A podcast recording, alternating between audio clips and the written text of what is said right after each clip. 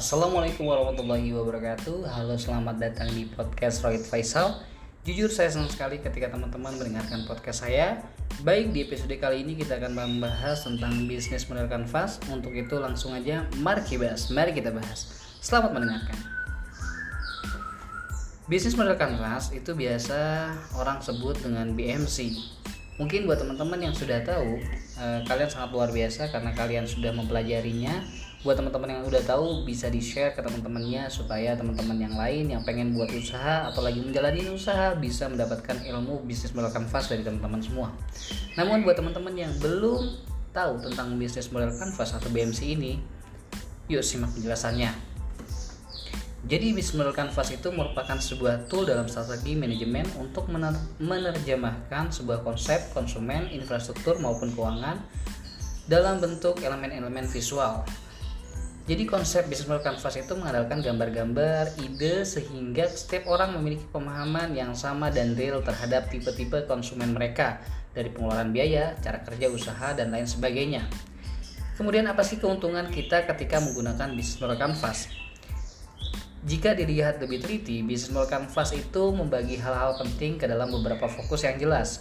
Hal ini memudahkan para pelaku bisnis dalam berbagai aspek dan bisa diterapkan oleh wirausaha baik secara yang skala besar maupun skala kecil. Terus bagaimana cara menerapkan bisnis model kanvas ini? Di dalam bisnis model kanvas itu ada 9 elemen penting yang akan dibahas satu persatu. 9 panduan dan elemen-elemen ini itu uh, akan mengarahkan dan menentukan sistem kerja di dalam usaha kita sekali sekaligus memeriksa apakah aktivitas di usaha kita sudah berjalan sesuai dengan sistem. Oke, sebelum kita lanjut, kita mau ambil contoh, anggaplah kita mau buka usaha yaitu parfum mobil. Nama parfum mobil ini kita contohkan namanya adalah Good Day. Nah, nanti teman-teman bisa implementasikan dari contoh-contoh yang saya berikan dan penjelasan ini ke bisnis teman-teman e, lainnya. Oke, yang pertama adalah ada value proposition. Sederhananya gini, value proposition adalah merupakan sebuah nilai jual produk atau jasa yang kita miliki sehingga konsumen uh, memilih usaha kita daripada kompetitor lain. Sebelum menentukan hal yang lainnya, value proposition juga sangat krusial untuk diketahui agar bisnis kita uh, apa yang kita jual sehingga konsumen benar-benar tahu apa sih keuntungan dan keunikan yang produk kita produk atau jasa yang kita jual dan bisa menyelesaikan menyelesaikan permasalahan mereka. Kita ambil contoh tadi parfum mobil ya. Biasanya kita beli parfum mobil di minimarket e, mereknya beberapa saja, mungkin ada lima merek.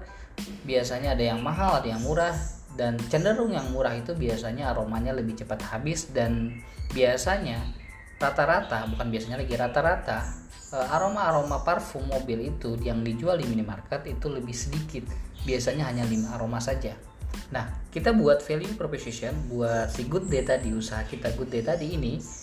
Yang pertama adalah harganya terjangkau, tapi untuk ketahanan aromanya kita lebih tahan lama dari produk e, kompetitor lainnya.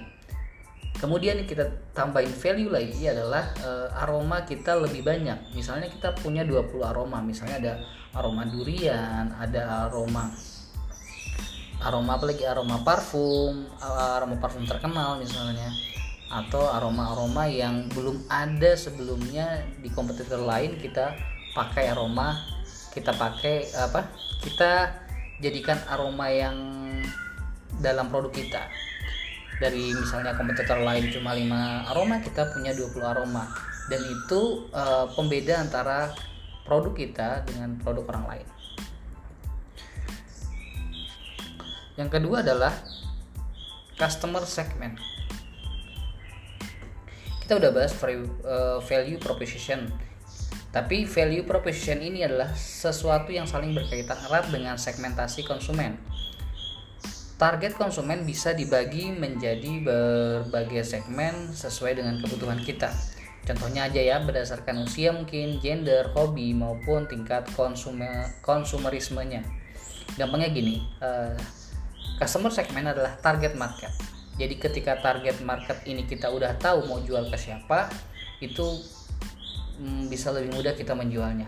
Contoh tadi di parfum kita ambil gendernya itu laki-laki usianya 25 sampai 45 tahun orang yang punya mobil sering bawa mobil artinya dia nyetir sendiri atau kemudian dia suka dengan sesuatu yang bersih gitu ya.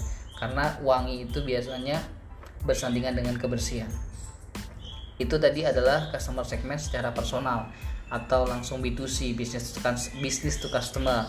Kita juga bisa buat customer segment ke B2B atau business to business. Nah itu bisa kita sasar ke misalnya perusahaan rental atau perusahaan taksi online. Kita kerjasama atau langsung jualan langsung ke perusahaan-perusahaan tersebut. Karena kita udah tahu kayak misalnya perusahaan rental mobil itu kan punya banyak mobil. Pastinya kan ketika mau dirental mobilnya eh, konsumennya juga merasakan nyaman dengan wangian yang kita tawarkan tadi. Ataupun taksi online misalnya atau taksi online offline itu juga bisa kita tawarkan karena dia setiap hari itu mendapatkan konsumen nah itu kita juga bisa tawarkan. Intinya kita tahu produk kita itu mau dijual ke mana. Kemungkinan yang paling banyak beli itu siapa agar kita tahu e, bisa fokus untuk menjual ke siapanya itu.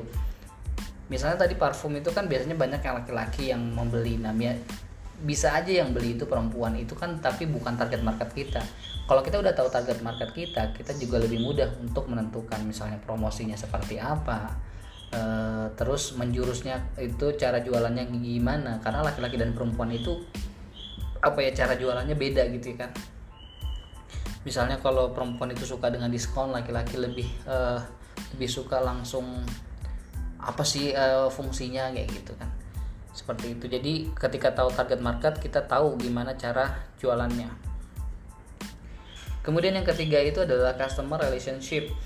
Jadi kita, tadi kita udah sudah menentukan value proposition uh, pro value propositionnya kemudian segmentasi konsumennya udah tahu juga selanjutnya kita memahami bagaimana konsumen itu bisa kita dekati atau PDKT ibaratnya orang itu eh, ibaratnya uh, kita mendekati calon istri itu kita PDKT dulu. Nah itu kita sama. Kalau di usaha kita harus PDKT ke konsumen kita dulu.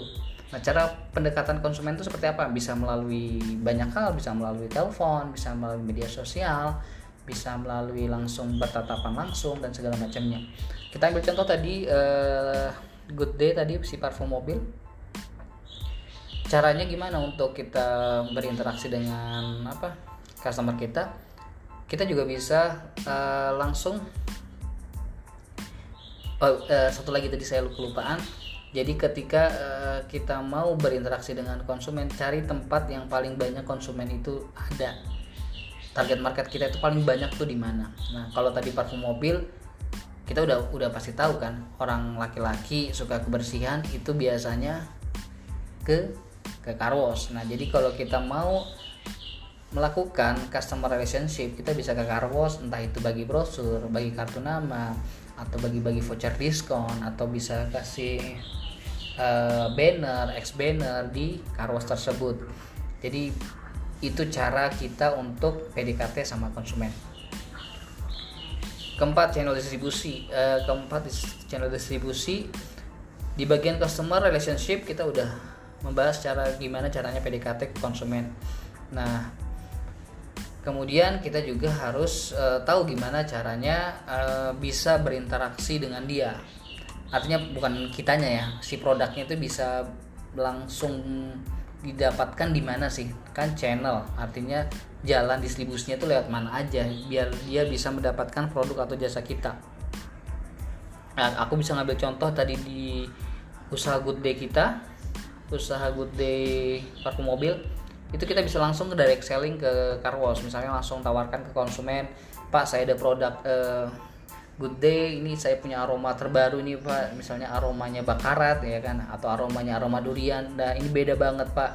Ini bisa ketahanan aroma parfumnya bisa misalnya 30 hari dengan harga yang sangat terjangkau pak. Nah, seperti itu. Kita bisa langsung direct selling. Atau bisa juga kita buat sistem konsignasi kepada car wash. Kita datang ke car wash uh, minta izin sama pemilik car wash. Uh, boleh nggak kita uh, masukkan etalase kita Eh, produk-produk kita di sini uh, sistemnya sistem titip aja. Mau beli putus boleh. Kalau sistem titip harganya sekian kalau beli putus sekian uh, nanti ditaruh di depan kasir ya kan? Jadi ketika apa jadi ketika konsumen car wash itu mau bayar sekalian tuh si si kasir si kasir car wash bisa menawarkan produk kita. Artinya produk kita itu bisa langsung berinteraksi dengan si konsumen kita kemudian kita juga bisa supply ke minimarket uh, sama seperti brand-brand lainnya kita bisa datang ke supermarket coba tanyakan gimana cara masuknya entah ke Indomaret entah ke minimarket minimarket lokal dan lain-lain sebagainya juga bisa kita lakukan. Yang kelima itu ada key activities merupakan aktivitas bisnis yang ada di jalan yang Anda jalankan sehari-hari agar dapat menja apa agar dapat mencapai sebuah value proposition tadi. Misalnya contoh kita eh, kegiatan kita pertama promosi di sosmed, kirim barang ke car wash, direct selling, sebar brosur, pesan barang ke distributor dan lain-lain sebagainya. Intinya uh, key activities adalah kegiatan aktivitas uh, sehari-hari yang kita lakukan untuk menunjang sebuah bisnis yang kita lakukan. Yang keenam itu adalah key resources uh, agar tetap kompetitif di dalam industri bisnis yang kita geluti. Kita membutuhkan sumber daya yang tepat karena ini adalah aset yang kita miliki untuk mendukung aktivitas usaha kita. Beberapa contoh sederhana misalnya key resources itu adalah komputer, uang kerja, karyawan, kendaraan, listrik, dan lain sebagainya.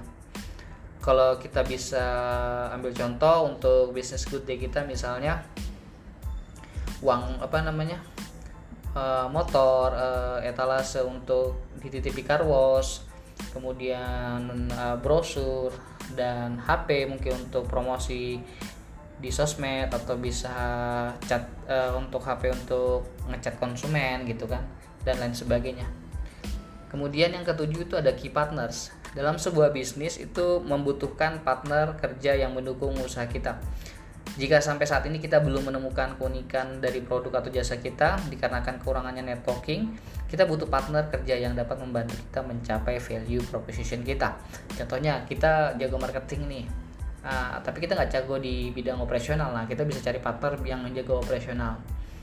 Nah di key partner juga bisa contohnya seperti ini. Misalnya tadi bisnis good day parfum tadi gitu kita butuh supplier untuk menopang usaha kita jualan kita. Nah biasanya kalau kita supplier ini key partnernya itu jangan di satu partner distributor saja kalau bisa beberapa distributor lebih daripada dua lah lebih daripada dua agar ketika distributor uh, A itu nggak punya produk akhirnya kita bisa ke distributor B atau distributor C. Nah, kalau cuma satu distributor saja takutnya ketika dia nggak produksi lagi, entah dia tutup distributornya, kita udah bingung, kebingungan mau cari apa namanya, mau cari produk ke mana lagi gitu kan. Sedangkan usaha udah udah udah terlanjur jalan. Nah, maka dari itu coba kalau punya distributor lebih daripada satu kemudian kita kalau tadi di bisnis good day kita juga butuh uh, beberapa tempat car wash artinya karena kita mau konsinyasi misalnya tadi mau titip mau hanya titip bukan jual putus kita bisa uh, si wash ini sebagai partner kita partner kerja kita. Seperti itu. Kemudian langsung saja yang kedelapan itu ada cost structure. Cost structure merupakan skema finansial yang membiayai operasional usaha kita. Berapa uang yang harus dikeluarkan untuk melaksanakan setiap usaha perharinya, berapa biaya untuk sumber daya yang kita pakai dan berapa harga pemasaran sebuah produknya. Jadi intinya sebuah aktivitas bisnis itu pastikan mengeluarkan biaya entah uang bensin, uang pulsa, kemudian uang paket data dan uang lain sebagainya itu masuk di dalam cost structure kita. Kemudian yang terakhir yaitu yang kesembilan revenue stream. Jadi setiap usaha itu kan e, butuh namanya profit atau penghasilan. Nah revenue stream ini biasanya itu yang paling familiar itu ya dari penjualan.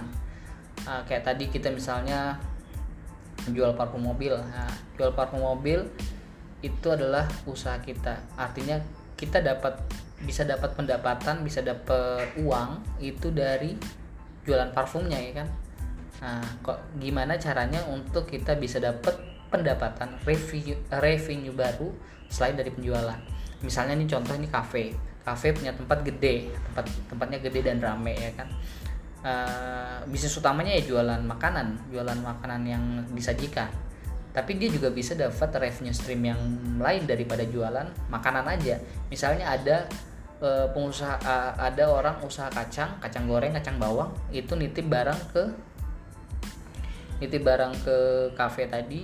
Contoh si penjual kacang ini nitip dengan harga 5000 si kafe ini jual 5 eh, jual 10000 artinya ada selisih 5000 ada keuntungan 5000 untuk si kafe. Nah ini adalah pendapatan revenue stream yang masuk ke usaha kita di luar dari penjualan makanan di kafe kita ya kan? Jualan makanan utama yang di kafe kita jual. Kemudian di kafe juga bisa kita gunakan misalnya jadi e, iklan berjalan. Misalnya gini kita punya kafe gede rame e, misalnya sehari ada seribu orang yang bergantian datang ya gitu kan? Bergantian datang ke kafe kita. Kita bisa menawarkan jasa iklan kepada eh, usaha-usaha lokal usaha-usaha lokal untuk mengiklankan uh, mengiklankan usaha mereka ke kafe kita. Contoh kita masang hmm, TV, TV digit, uh, eh, TV LED itu kita pasang di kafe kita. Nanti kita masukkan situ iklan-iklan uh, usaha lokal. Artinya kan karena kita punya market yang besar, nah artinya uh, iklan itu akan bisa dilihat oleh market si cafe ini itu bisa juga jadi jalan revenue stream kita. Kemudian misalnya kita punya tempat parkiran yang agak besar ya, tapi masih ada agak longgar di depannya itu kita juga bisa misalnya sewakan uh, kepada unit-unit usaha lain. Misalnya contoh misalnya uh, apa ya? Uh, misalnya cafe itu misalnya ah bisa misalnya parfum tadi ya. Kita pengen nyewa eh, tempat parkirannya si cafe ini anggaplah satu kali satu untuk buka stand eh, parfum mobil kita tadi. Seperti itu bisa juga. Jadi eh, dimaksimalkan apa yang kita punya di usaha kita gimana caranya mendapatkan pendapatan yang lebih e, di luar dari penjualan saja tapi yang masih dalam lingkup usaha kita. Jangan keluar. Misalnya kita punya cafe tapi kita uh, di dalam usaha itu ada jualan laundry. Kan agak lucu ya jualan makan sama laundry kan nggak nggak korelasi. Tapi kalau cuma iklan laundry ya mungkin nggak apa-apa. Tapi kalau nyambi laundry masak nyambi laundry kan agak agak agak agak kurang korelasi. Gimana caranya kita dapat revenue stream tapi nggak nggak jauh daripada bisnis kita dan nggak ngerepotin kita juga gitu loh. Kalau kita nanti punya revenue revenue stream banyak nah artinya nanti kan pendapatan lebih besar daripada cost structure tadi. Akhirnya kita bisa punya profit lebih besar keuntungan lebih besar yang bisa mengembangkan usaha kita lebih baik lagi. Mungkin itu saja uh, penjelasan dari saya. Uh, kurang dan lebihnya saya maaf mohon maaf banyak kesalahan kata dan belibet kata ya. Belibet kata dari saya mohon maaf sebesar besarnya semoga penjelasan dari saya bisa diterima dan bisa menjadi pembelajaran, bisa jadi manfaat buat teman-teman semua. Saya akhiri, Assalamualaikum warahmatullahi wabarakatuh.